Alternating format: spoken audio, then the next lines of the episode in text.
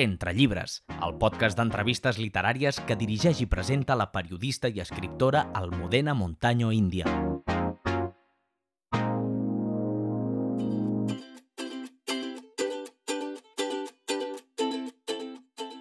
Us agraden els vins? Sabeu quin vi és el més adient per a cada ocasió? Si voleu aprendre sobre vins, literatura, avui us ho passareu molt i molt bé perquè tenim el programa d'Entre Llibres a una experta sommelier, la Meritxell Falgueres. La Meritxell Falgueres ha escrit un llibre que es diu Tastam, Wines and the City.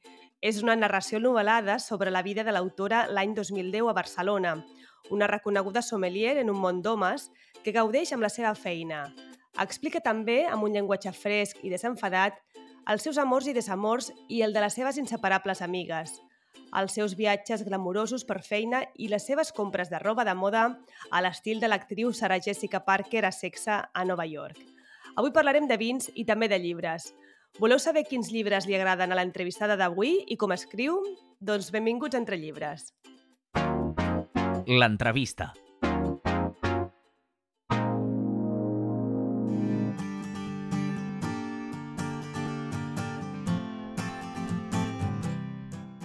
La Meritxell Falgueres és comunicadora i sommelier amb diversos reconeixements en el món dels vins.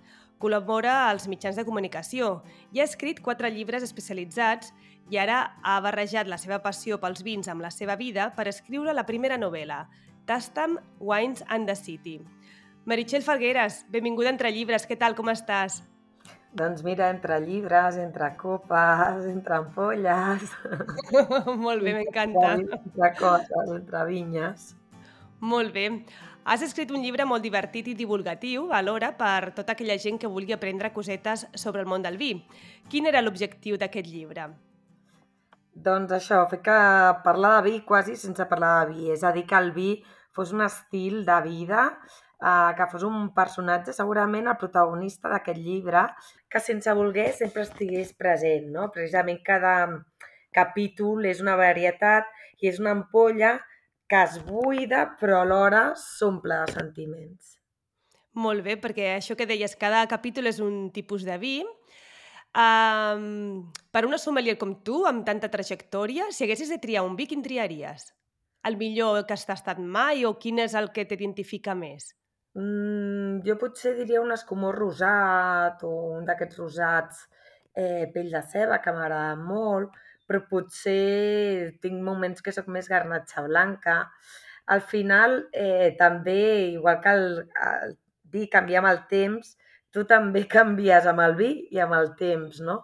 I per cada moment vital eh, t'agrada un tipus de vi, no? O jo a vegades faig més maridatge, doncs escolta'm, amb aquesta, amb la meva àvia em prenia aquest vi, amb els meus amics aquest altre, saps? Ah, molt bé, depèn de la persona, no? Doncs mm. va canviant, no? Sí. I en el llibre eh, narres la teva vida l'any 2010. Com era aquella vida, Meritxell?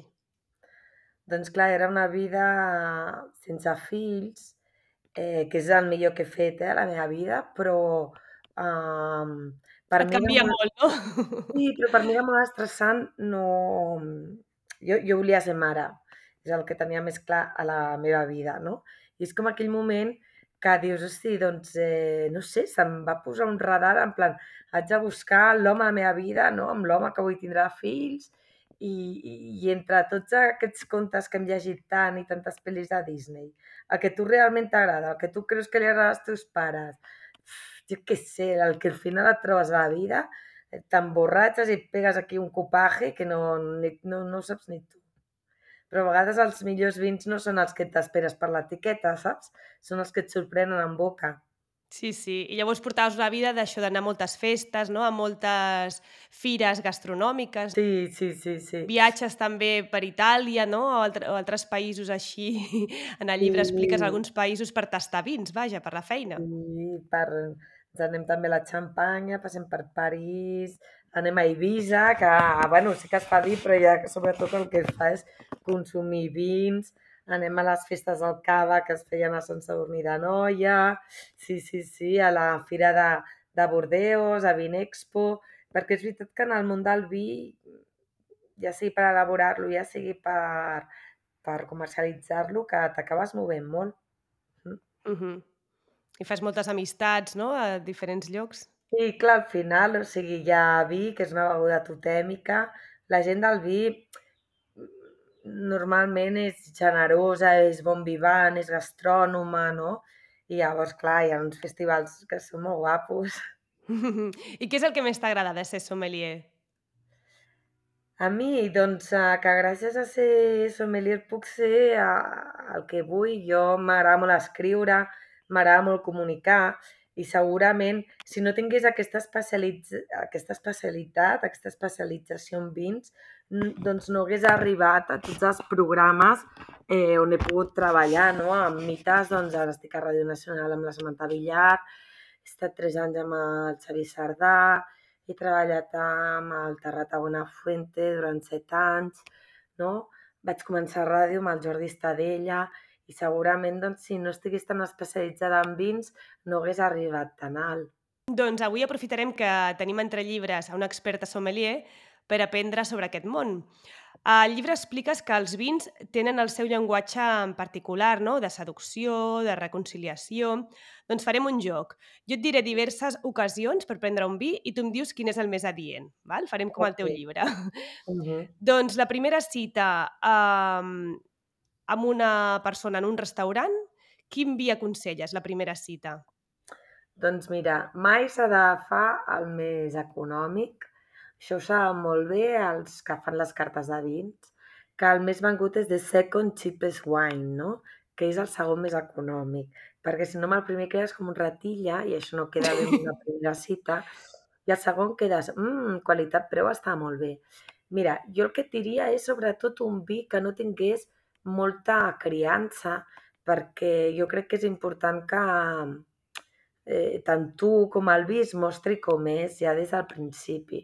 Per això et diria un Serres del Priorat, que fa la meva amiga eh, i sòcia amb Mujeres del Vino, l'Anna Josefa Incana, perquè és un vi de denominació origen qualificada Priorat, que està molt, ben de, molt bé de preu, eh, no té molta fusta i té doncs, totes aquestes notes de garnatxa, carinyena, cirà, no? aquestes regalècies, fruits vermells... Mm. Molt bé. I si és un dinar de feina, quin hauríem de... Al migdia, per exemple, un dinar de feina que hem de parlar i hem de conversar coses de feina, sí. uh, quin, quin podríem triar?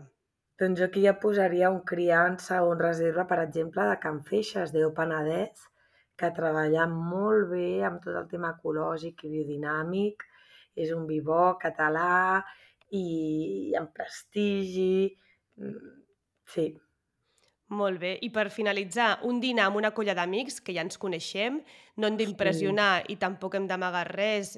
Quin faríem? A veure. Doncs eh, jo fins i tot et faria un porró, eh? que és molt divertit, però el que important és el que li posis al porró i això li pots posar un, un vi blanc versàtil com una garnatxa que tingui contacte amb els llevats i que pugui anar per tot l'àpat, menys per la carn, mm, que llavors ja t'obres ja t'obres un ull de llebre, doncs ja està. Perfecte, doncs ara ja sabeu, no? Si heu de fer uh, algun dinar i maridar-lo amb un vi, ja teniu aquí aquestes tres propostes de la Meritxell. Uh, Meritxell, que explicaves en el teu llibre, aquest llibre tan divertit, que um, és fàcil de llegir per qui vulgui endinsar-se en el món dels vins, i, um, i alhora també molt divulgatiu per aprendre, eh, expliques una vida molt divertida també. Com ha canviat aquesta vida? Quina és la Meritxell d'avui dia?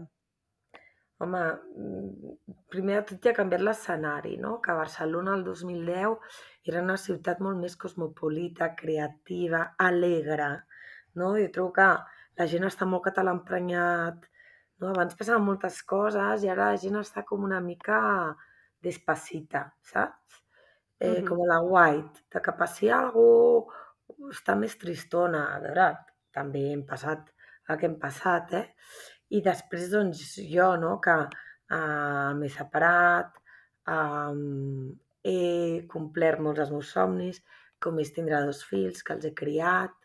Eh, segurament era també per fer doncs, les paus amb aquesta Meritxell Falgueres eh, més, més naïf, que buscava les coses a fora i al final, doncs, eh, el resum és casa't amb qui vulguis mentre no et divorcis de tu mateixa. Ah, molt interessant. I sobre feina, quins projectes futurs tens? Doncs... Tele tinc, com sempre, ja no només com a col·laboradora a TV3, sinó sempre tinc allà pensat. De llibres ja tinc quatre al cap, eh? i aquest estiu ja, ja escric el, el següent. Eh, continuo amb tot el que és a l'Institut Cervantes, fent aquestes xerrades. La meva tesina doctoral és sobre la cultura del, de, sobre la metàfora en el llenguatge del vi i faig totes aquestes xerrades. Aquest any faré Edimburgo, Bucarest i Budapest eh, sobre, sobre tot el que hi ha literari en el món del vi. I... Sí. Interessant, no?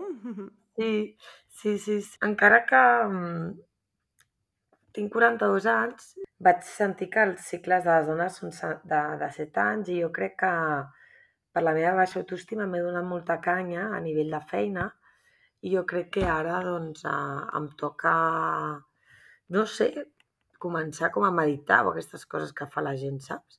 O sigui, crec que de 42 anys com aixecant-me i ara crec que els propers 42 ho haig de fer cuidant-me.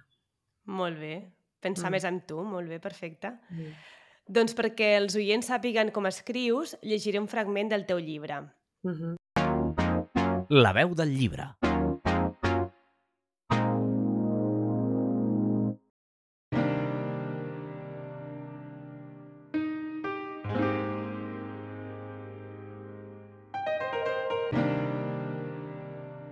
tastar, degustar, ordenar el pensament i expressar amb etiquetes les sensacions que afloren en moure la copa, perquè, en definitiva, es tracta de tastar vins el tacte dels quals en boca recordi i romangui com un petó.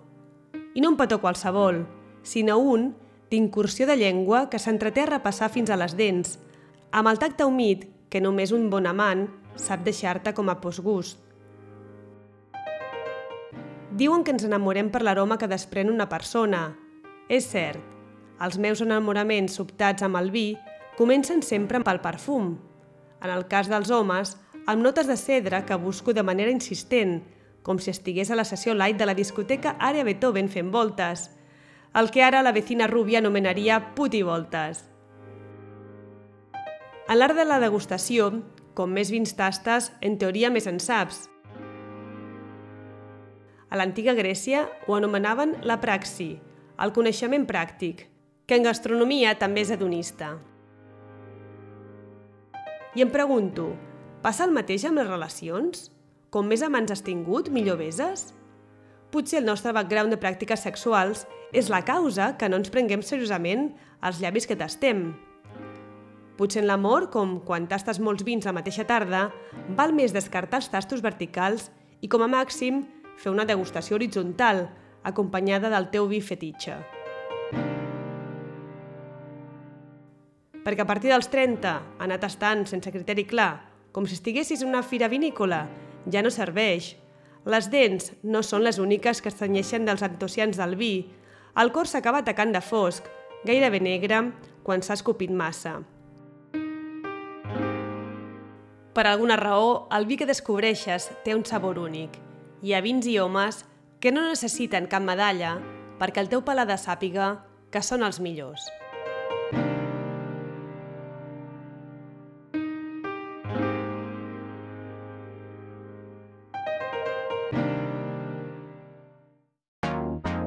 Novetats literàries.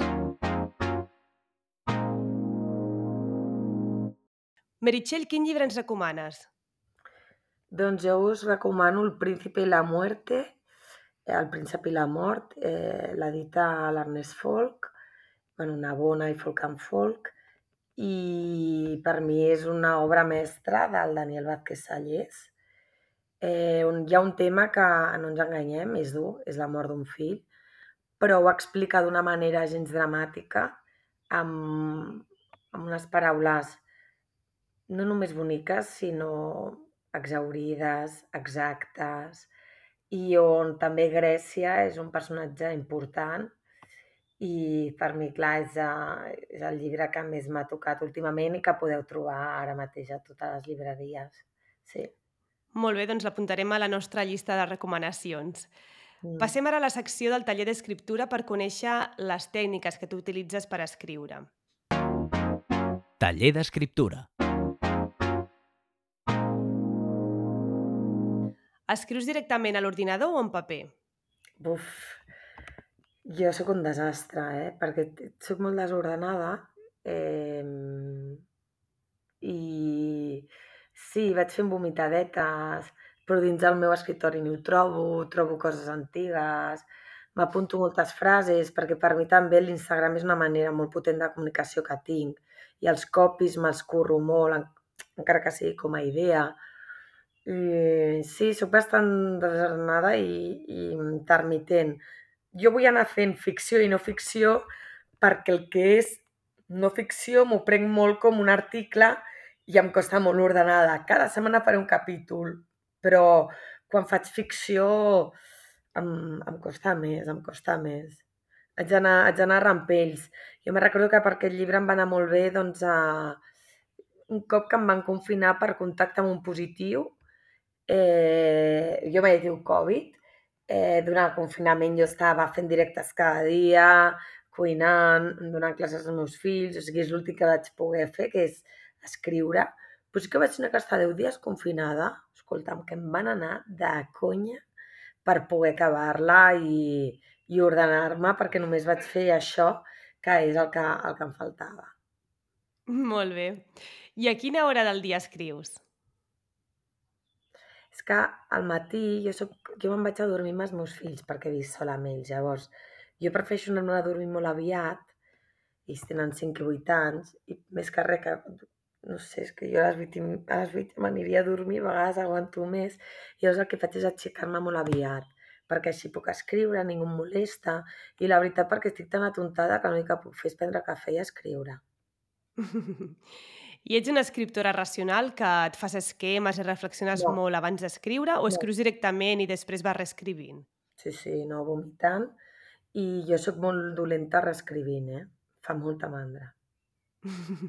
Mm. Llavors la primera versió ja et surt brillant, no?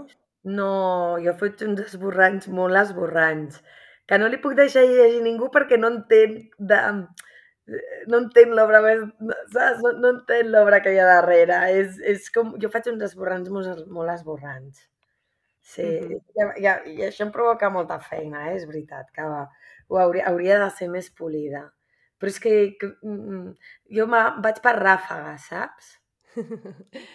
Molt bé. I quant de temps has trigat en escriure aquest llibre, Tastam?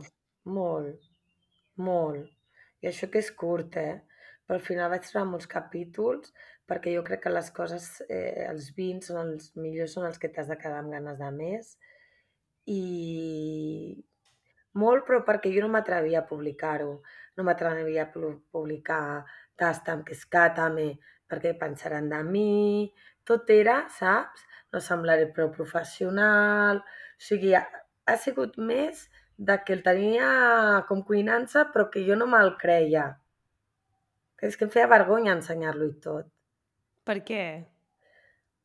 No sé, penses que no seràs... Mm, no? Hi ha molta gent, doncs, a mi que m'agrada tant la moda, no? Sembla que... O sigui, no pots agustar bé i, i vestir bé, saps? Eh, en el meu sector Eh, jo estic molt castigada, per exemple, perquè sóc mediàtica, no? I pensava, vinga, no? I a sobre li poses sal i pebre, però és que jo sóc una tia que, que, que, que, que sóc molt canyera i que la meva manera de comunicar el vi cada vegada, o sigui, cada vegada que he estudiat més, veig que ha d'anar per una altra banda de divertiment, d'estil de vida, encara que s'hagi fet molta divulgació, però, però, és que els temps han canviat també potser, sí. no? I ens hem d'adaptar a, no, a, a noves maneres de fer, no? També amb el vi. Sí. Potser mi... aquest món era molt d'homes, no? També. Sí, totalment. I també en els mitjans de comunicació al final és, és, té un interès minoritari. Llavors jo l'única manera de posar-lo en prime time és no donar-li aquest protagonisme, però li acabo donant molt. Saps? Sí. Llavors, bueno, és, eh, per mi és important que amb, jo parli amb una tertúlia política o d'amor i vagi soltant eh, cascarrillos de vins. Al final jo sóc vi, jo sóc la cinquena generació d'una botiga del barri de Sants que portem 128 anys que ens formem en vi, que estimem el vi, no? I llavors, per mi, això és més important eh, que quedar-nos sempre en el llenguatge de l'especialització o, a les, o a les revistes de gastronomia, no? I vins. Clar, és el que deies, que tu des de petita ja ho has viscut, no? Amb tota la família lligada també en el món dels vins. Mm. Sí, sí, sí, sí, per mi és un, una part més de la meva família, el vi. Mm. Mm -hmm. Doncs seguim parlant de, de com escrius. Mm, Quantes vegades t'has llegit el que has escrit fins a aconseguir la versió definitiva d'aquest llibre? Uf, moltes, però així com recentment, sobretot tres o quatre, pel tema de les galerades, correccions, saps? A més en català, en castellà. És que al final jo de veritat necessito... Jo ja arriba un moment que els dic a l'editorial, té, és que eh, encara que hi hagi un error ja no el veig, perquè estic tan acostumada a llegir-me que ja no, no aconsegueixo ni llegir bé la frase, saps? Perquè ja jo sé qui vull dir i ja ni... Qui m'ho fa? Doncs, eh, doncs l'editor, perquè els meus amics en aquest llibre han passat molt de mi. Perquè qui llegeix els teus textos abans de publicar-los? Normalment quan faig llibres tècnics sempre ho fa la meva mare, el meu germà i el meu pare. Però en aquest cas no, no, no. No li has passat a ningú abans d'enviar-lo a l'editorial? Sí, a l'Olímpia, que és amiga meva, però... I, i així com més recent, doncs a la meva parella, que és escriptor, però li vaig donar com, vinga, amb una hora i pico, que ho vaig entregar, i ho va tindre que llegir com molt amb, amb saps? Amb, amb... Molt bé. I la inspiració d'aquesta, de l'argument de la teva novel·la, quina ha sigut? És que, clar, a mi m'agrada molt Sexo Nova York, m'agradava molt aquella època, quan veia Sexo Nova York, que era aquesta època que tenia 28 anys, el 2010, no? També és quan vaig conèixer el pare dels meus fills, eh, i després la meva vida va canviar molt, perquè me'n vaig anar a viure a Toscana, amb ell, i, que, que és viticultor i tal, i llavors, bueno, era per tornar a fiançar, a fincar la Mary a, a Soltera i a, i a Barcelona. Sí. Ah, doncs això no ho has explicat al llibre, això hauràs de fer la segona part, no? Sí, sí, sí. Bueno, tinc ja el principi de Memòries d'una sommelier, però abans necessito tornar a fer no ficció. Mm. Mm -hmm. Per posar-me més sèria, més quadrada, per continuar eh, la meva obsessió d'investigació, de feminisme, saps? I després tinc moltes ganes de fer contes infantils, o sigui que crec que la novel·la encara triarà quatre llibres. I els personatges de la teva obra, d'aquest llibre, són tots autobiogràfics, basats en persones reals? És un 69% autobiogràfic i ells no, no hi ha cap Abril, no hi ha cap Amanda. Segurament són noms que volia posar a, fill, a filles que, que al final embarassos que no he tingut i són un mix de, de mi, d'amics, una mica de tot. I el personatge del xef és tres persones o quatre amunt. O sigui, no... Ah, no és una persona concreta que hagi assistit, no? No, no, no, són copatges, són copatges, tots són copatges. Molt bé, Meritxell. I on has après a escriure? Doncs vaig estar... Jo sóc llicenciada en Humanitats per la Pompeu Fabra, em vaig especialitzar en literatura. Eh, després vaig fer crítica literària amb el Javier Aparicio. Vaig estar fent composició del text a Ramon Llull, que és on, on també vaig fer el doctorat, bueno, vaig acabar el DEA. Eh, I també vaig estar amb la Mercedes Abad a l'Escola d'Escriptura de l'Ateneu Barcelonès. I la darrera pregunta que sempre faig als entrevistats és si penses que es pot viure exclusivament d'escriure llibres. No. Per què? No, no, no, no es pot. A mi, en el meu cas, m'ajuda molt les xarxes socials i que jo puc donar molta formació de vins. Si no, absolutament no. I això que estic contenta eh, de com estan anant, però no. És molt difícil, no? Avui dia... Hem de trobar la fórmula eh, perquè els escriptors puguin viure només i exclusivament d'escriure llibres, però encara no, no l'hem trobat. Sí, sí, sí, sí, sí, sí. Doncs Meritxell, ja estem de l'entrevista. Doncs moltes gràcies. És un plaer parlar amb tu, aprendre tant sobre llibres i sobre, sobre vins, que potser molts oients que no sabien quin vi demanar una primera cita ara ja ho tenen molt clar. Moltes gràcies. I animo a tothom a llegir aquest llibre, que és molt divertit, uh -huh. és molt anecdòtic i és molt fresc, molt agradable de llegir. Sí, volia això, un vinet amb drinkability i, i això. Moltes gràcies, una abraçada, Meritxell. Merci, gràcies. Adeu. A tots els oients, gràcies per escoltar el podcast. Recordeu que està a les principals plataformes de distribució, a Spotify, iVoox, Apple Podcast, Google Podcast i Amazon Music. M'agradarà molt si el compartiu, si us subscriviu i també si feu comentaris a les plataformes. Us llegiré a tots. Ens tornem a trobar en 15 dies. Una forta abraçada. Entre llibres, el podcast amb entrevistes als escriptors del moment en llengua catalana.